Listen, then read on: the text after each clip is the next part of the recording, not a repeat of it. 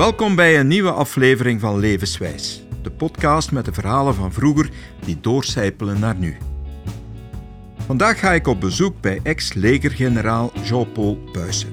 We leven in tijden dat Rusland Oekraïne binnenviel en dat oorlog er het leven domineert. Voor ons land is het dankzij de NAVO van Wereldoorlog 2 geleden dat we nog rechtstreeks betrokken waren in een conflict. Toch heeft ook ons land een leger. Kan niet zonder. Net dat wilde Jean-Paul altijd doen: bij Defensie gaan en piloot worden. Gevolg is dat zijn leven een vat vol straffe verhalen is en zijn carrière een langzaam opklimmen werd tot hij als luitenant-generaal met pensioen ging. Jean-Paul is 73 jaar en woont in het groene Limburgse Zonhoven, dicht bij het fietsroutenetwerk waar hij graag op rondtoert. Deze babbel gaat over passies. Over Congo waar hij werd geboren, over vliegen met een F-16 en over fietsen.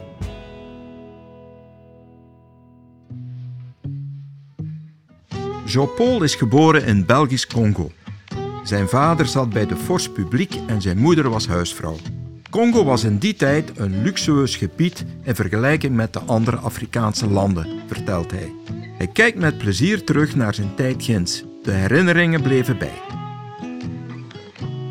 Mijn vader was uh, bij de Weermacht daar, bij de Force Publiek. En je moeder? Mijn moeder was gewone huisvrouw.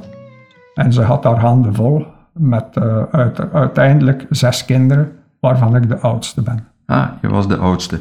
Je moest het voorbeeld geven. Ik moest inderdaad het voorbeeld geven. Ja. Hoe herinner je je Congo? Och, Congo was in die tijd toch. Uh, ik heb niet de periode meegemaakt van de ellende, uh, laat maar zeggen, van voor de uh, Eerste en Tweede Wereldoorlog. Dus we zijn er naartoe getrokken begin jaren 50 en teruggekomen in 60. En toen investeerde België al tamelijk wat in de opbouw en de uitbouw van Congo, de infrastructuur, de de, de, het onderwijs en de medische verzorging. Dus Congo was eigenlijk een, een vrij uh, goede, goede, goed land. Uh, ik weet dat wij op een van onze reizen door Congo, naar Congo, met het schip in Lobito toekwamen, dus in Angola. En vandaar met de trein Benguele door een stuk van Angola kwamen. En toen we in Dilolo, dus de grenspost tussen Congo en Angola, aankwamen, dat was een luxueus land, Congo, in vergelijking met toenmalig Angola. Dus uh, ik heb de mooie tijd meegemaakt. Daar. En op welke leeftijd ben je dan terug naar België? Uh, in 60 was ik 11 jaar oud. 11 jaar, dus je hebt nog heel wat herinneringen aan die periode? Ik heb hele goede herinneringen aan die periode, ja. Had je zwarte vrienden? Ik, had, uh, ik speelde wel met, uh, ik kan niet zeggen dat ze vriend waren, uh, maar ik speelde wel met zwarte kinderen. Ja. En heb je nog bepaalde contacten op dit nee, moment? Jammer, niet, jammer genoeg niet. Ik heb er wel veel gehad. Want toen ik kabinetchef was, zijn we een paar keren, enfin een paar keren, een tiental keren nog naar Congo gegaan. Voor diverse samenwerkingsprogramma's met de Congolese strijdkrachten. En uh, ik heb daar uh, terug een aantal mensen ontmoet. Ik ben ook terug geweest naar het college in Bukavu, waar ik in het eerste studiejaar zat. En dat was toch wel heel emotioneel. En was het veel veranderd in vergelijking Het toen? was enorm veranderd. Enorm. Dus dat land is sindsdien uh, verloederd. En het, het mooi voorbeeld, ik, her, ik herkende een, een, vele zaken in Bukavu. Uh, maar het cinemalokaal uh, was nu een, een kerk geworden. Uh, alles was verloederd. vanaf het rondpunt, vlakbij het college, liep een mooie dreef naar het college, naar de statige inkomhal van, van dat college. Die dreef was weg. Het was nog een pad. maar het college stond er nog in zijn glorie. Er was nog één Jezuïet-pater en de rest waren allemaal uh, uh, Congolese leraren en, en, studenten uiteraard. Maar zeer, zeer begeesterd.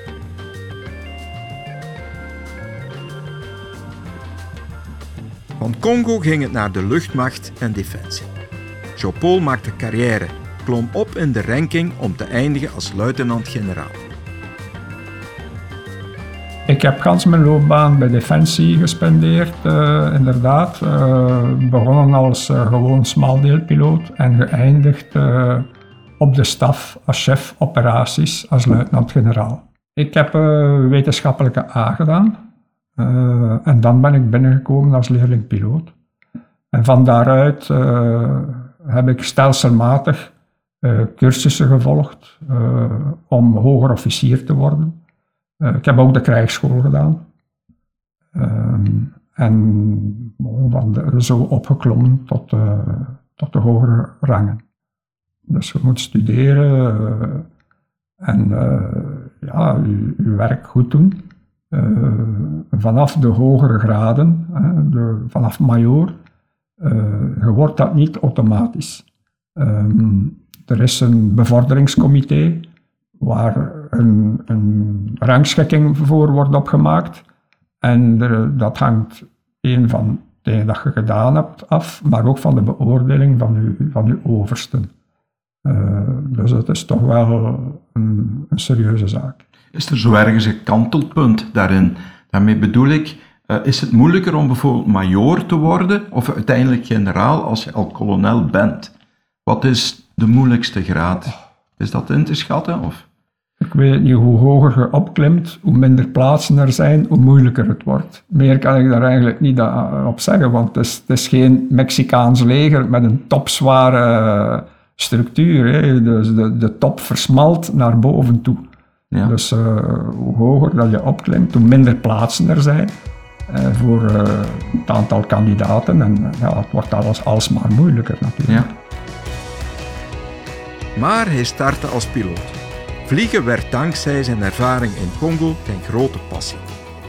Gevechtspiloot worden was de logische volgende stap.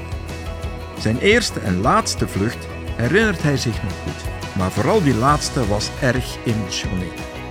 Ik heb gans mijn kindertijd in Congo doorgemaakt en ik uh, was zes jaar toen ik intern werd in het college in Bukavu uh, wij woonden toen in Kindu en in Lokandu, in die twee uh, broesenposten eigenlijk. Daar waren geen goede scholen. En uh, de reis van daaruit, dat toch een aantal honderden kilometers was, werd met een DC-3 uitgevoerd per trimester. En dat, trok, dat heeft mij enorm, enorm aangesproken. Ik was daardoor gefascineerd. En voilà, waarschijnlijk is daar de kiem gelegd tot uh, mijn grote droom, vliegen. Nu moet ik even nadenken. Ik denk dat ik 18 jaar was.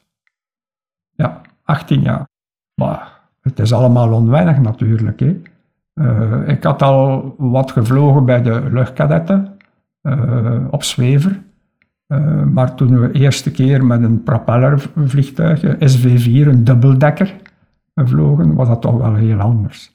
Dus uh, er staat er voor je neus een schroef te draaien, dat maakt wel lawaai. Uh, ja, het was, toch wel, het was toch wel heel indrukwekkend en anders. De meeste van mijn loopbaan heb ik op jachtvliegtuigen gevlogen. de twee grote brokken vlieguren zijn op Starfighter, dus F-104, en op F-16. Uh, en daar liggen de snelheden natuurlijk uh, vrij hoog. Waarover spreek je dan? Uh, ik spreek over tussen 400 en 500 knopen. Je weet, een knoop is 1,8 kilometer. Dus dat is tegen tussen de 800, 750 en, en 900 kilometer per uur. Toch? Hoeveel stress zat er in die job? oh, ik zou niet van stress spreken. Ik zou van een, gezonde spanning willen spreken. Dus je moet, iedere vlucht werd minutieus voorbereid. Uh, en de uitvoering, eens dat je in het vliegtuig zit, je zit zodanig getraind, uh, je doet de dingen bijna automatisch. Ja. Mijn allerlaatste vlucht herinner ik mij ook. Uh, dat was in Beauvechain op een Marchetti. Uh, en uh, ja, het was natuurlijk puur emotie. Je weet dat je niet meer gaat vliegen. Dus, uh, Jean-Paul maakte ook een tijd deel uit van de bekende Rode Duivels. Niet de voetbalploeg, wel het stuntteam van de Belgische luchtmacht. In de inkomhal van zijn huis zie je nog de souvenirs. Waarom er bijvoorbeeld Pedro op zijn helm staat, vertelt hij graag zelf. Dat is een helm die ik droeg in 1971 toen ik bij de Rode Duivels was in Sint-Truiden op Fuga Magister. En uh, het was dus de gewoonte dat op die helm de nickname, uw roepnaam, wordt uh, geschilderd en de mijne was Pedro. Ik vloog graag, ik vloog graag informatie en uh, ja, de kans bood zich aan. Dus ik ben erin uh, ingestapt. Je stelt je kandidatuur natuurlijk, je doet een aantal oefenvluchten en men beoordeelt of je geschikt bent of niet. En gelukkig was ik geschikt en ja, ik had geluk, er was een plaats vrij en ik kon beginnen. Dat was met zes vliegtuigen, denk ik. Dat was met zes vliegtuigen, ja. En hoe dicht uh, vlogen die bij elkaar? Uh, doorgaans vliegt men op ongeveer uh, anderhalf à twee meter van elkaar. maar wel, bon, dat is relatief natuurlijk, maar je hebt dezelfde snelheid. Hè. dus dat, ja, dat is eigenlijk wel vrij veilig. Als je goed geoefend bent en je weet wat je doet, is dat veilig. Moest je meedoen aan luchtshows? Ah ja, uiteraard. Uh, we, deden, we begonnen in, in mei ergens, ja, in mei. En het seizoen hè, eindigde rond half september, traditioneel met de Slag om Engeland, de Battle of Britain. En dat was dan een grote show in, uh, in Engeland, waar, als afsluiter. Nu, dat is natuurlijk heerlijk om naar te kijken, maar dat lijkt me wel een erg gevaarlijke job. Niet echt. Uh, natuurlijk, er gebeuren wel ongevallen, nu minder en minder. En als je kijkt, uh, Frecce Tricolori, de Rode Duivels hebben ook een aantal mensen verloren, zo, maar ik heb daar eigenlijk nooit echt bij stilgestaan. heb je ooit iets aan de hand gehad? bij de Rode Duivels niet, nee. De kinderen van Jean-Paul hadden geen interesse om in zijn voetsporen te treden. Zijn dochter is jammer genoeg overleden na een ongeval en zoon Koen houdt zich liever bezig met zingen. Koen is de frontman van Zornik en deed mee aan het erg populaire Liefde voor Muziek met ook Margriet Hermans. Koen, uh, dat was zijn ding niet. Zoals ik altijd heb piloot willen worden, heeft hij altijd gezongen. Ja, van in het begin. Van in het begin. Want als kind, uh, toen hij toen op verlof waren, ik herinner me nog heel goed, uh, we waren aan het fietsen en hij zat van achteren op uh, een fietsendrager zo, uh, en hij zong al. Dus we zeiden altijd, het is ons radiootje dat we mee hebben. Ja, dus, en ik heb nooit geprobeerd hem... Nee, absoluut niet. Ik heb ze daar altijd vrij in gelaten. Ik vind, ze moeten doen wat ze... Ik heb me wel ongerust gemaakt natuurlijk. Ik had wel graag dat hij eerst een diploma had. En uh, dat heeft hij ook gehaald, uiteraard, uiteindelijk. En Wat is hij geworden? Hij is regent geworden. Ah, dus, ja. Hoe lastig is het bestaan van een muzikant? Ja, zeer lastig. Je bent nooit zeker van je toekomst. Hè. Dus, hij werkt keihard, maar de, ja, de, de, appreciatie is altijd heel subjectief. Jean-Paul was F-16-piloot en vloog constant missies voor het Belgisch leger. Als trotse ex-commandant van Kleine Brogel vertelt hij hoe de hele basis een steentje bijdroeg aan opdrachten in Kosovo. De geheimen van de basis mag hij echter niet vertellen, want dat is verboden. Uh, de vliegbasis Kleine Brogel is wat mijn thuisbasis. Dat is uh, een voorrecht om te mogen werken met uh, zoveel gemotiveerde mensen. In een omgeving die u dierbaar is. En dat was een heel, heel intense periode. Ook omdat tijdens die periode de luchtoorlog gevoerd geweest is boven Kosovo. Dus we hebben daar echt een tandje moeten bijsteken. Niet alleen de piloten, maar ook de techniekers voor het onderhoud van de vliegtuigen, de wapenmakers, die dus moesten zorgen dat de bewapening goed in orde was. En gans de basis die moest steun verlenen aan het detachement dat zich in Amendola bevond in Italië, uh, om de operaties boven Kosovo te voeren. En zijn er ongelukken gebeurd in die periode? Uh, we hebben één dode en een zware gewonde moeten uh, ondergaan. En dat was niet tijdens vliegoperaties, maar door een verkeersongeval op de weg. Net toen de oorlog beëindigd was. Oei. Ja. Hoeveel F-16's waren er in Kleine Brogel op dat moment? Oei.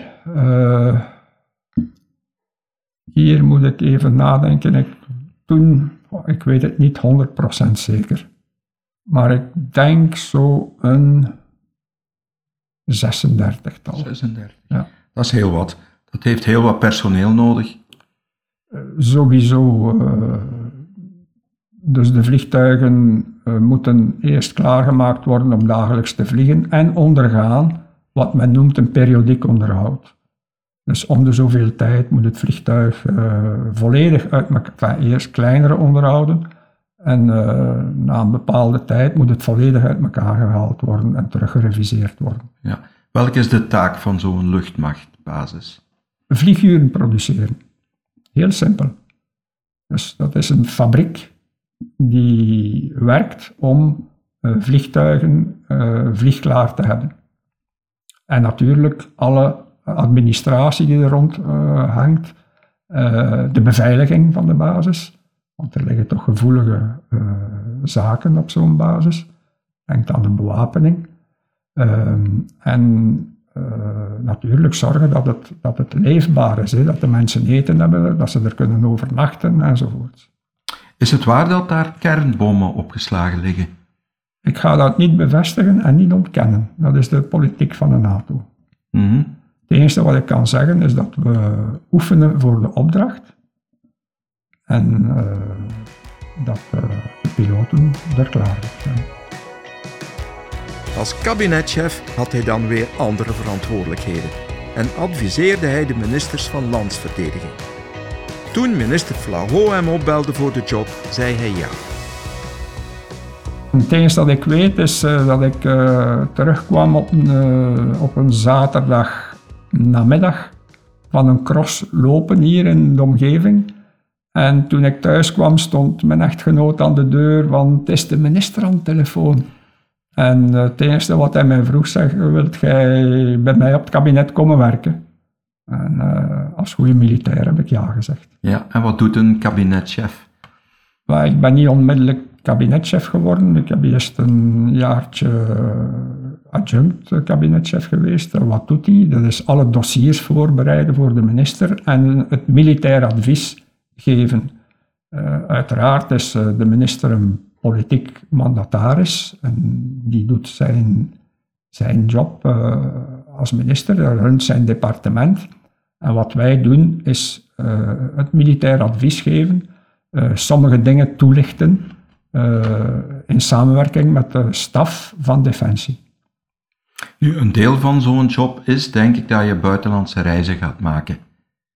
Een deel van die job is dat je inderdaad uh, op bezoek gaat bij de uh, troepen die in het buitenland gelegerd zijn, of dat je in samenwerking met buitenlandse zaken dan bepaalde reizen maakt om dingen uit te leggen. Bijvoorbeeld, na de aanslagen van 11 september heeft zowel buitenlandse zaken als de minister van als Defensie een aantal reizen gemaakt in Noord-Afrika uh, en in de Arabische landen om uit te leggen uh, dat wat wij deden, of wat België zou doen, niet gericht was tegen de Arabische wereld, maar wel tegen de terroristen.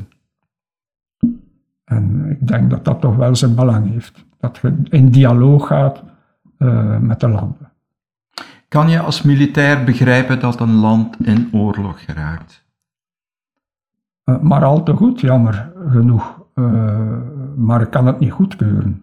Ik vind dat dialoog en preventie van conflicten veel belangrijker zijn dan direct naar een militaire oplossing grijpen. Trouwens, militair is het heel moeilijk om een conflict op te lossen. Kijk maar naar de interventies uh, die er geweest zijn in uh, Irak. is daar chaos. Libië, niet veel beter. Afghanistan, ook niet veel beter. Dus je kunt militair ingrijpen om een bepaalde stabilisatie te brengen, maar er moet absoluut een, een diplomatieke, politieke opvolging komen om uh, terug een staat te maken die uh, goed werkt. En dat hoeft niet direct een democratie te zijn. Iedereen kiest zijn staatsstelsel volgens de cultuur, geloof enzovoort.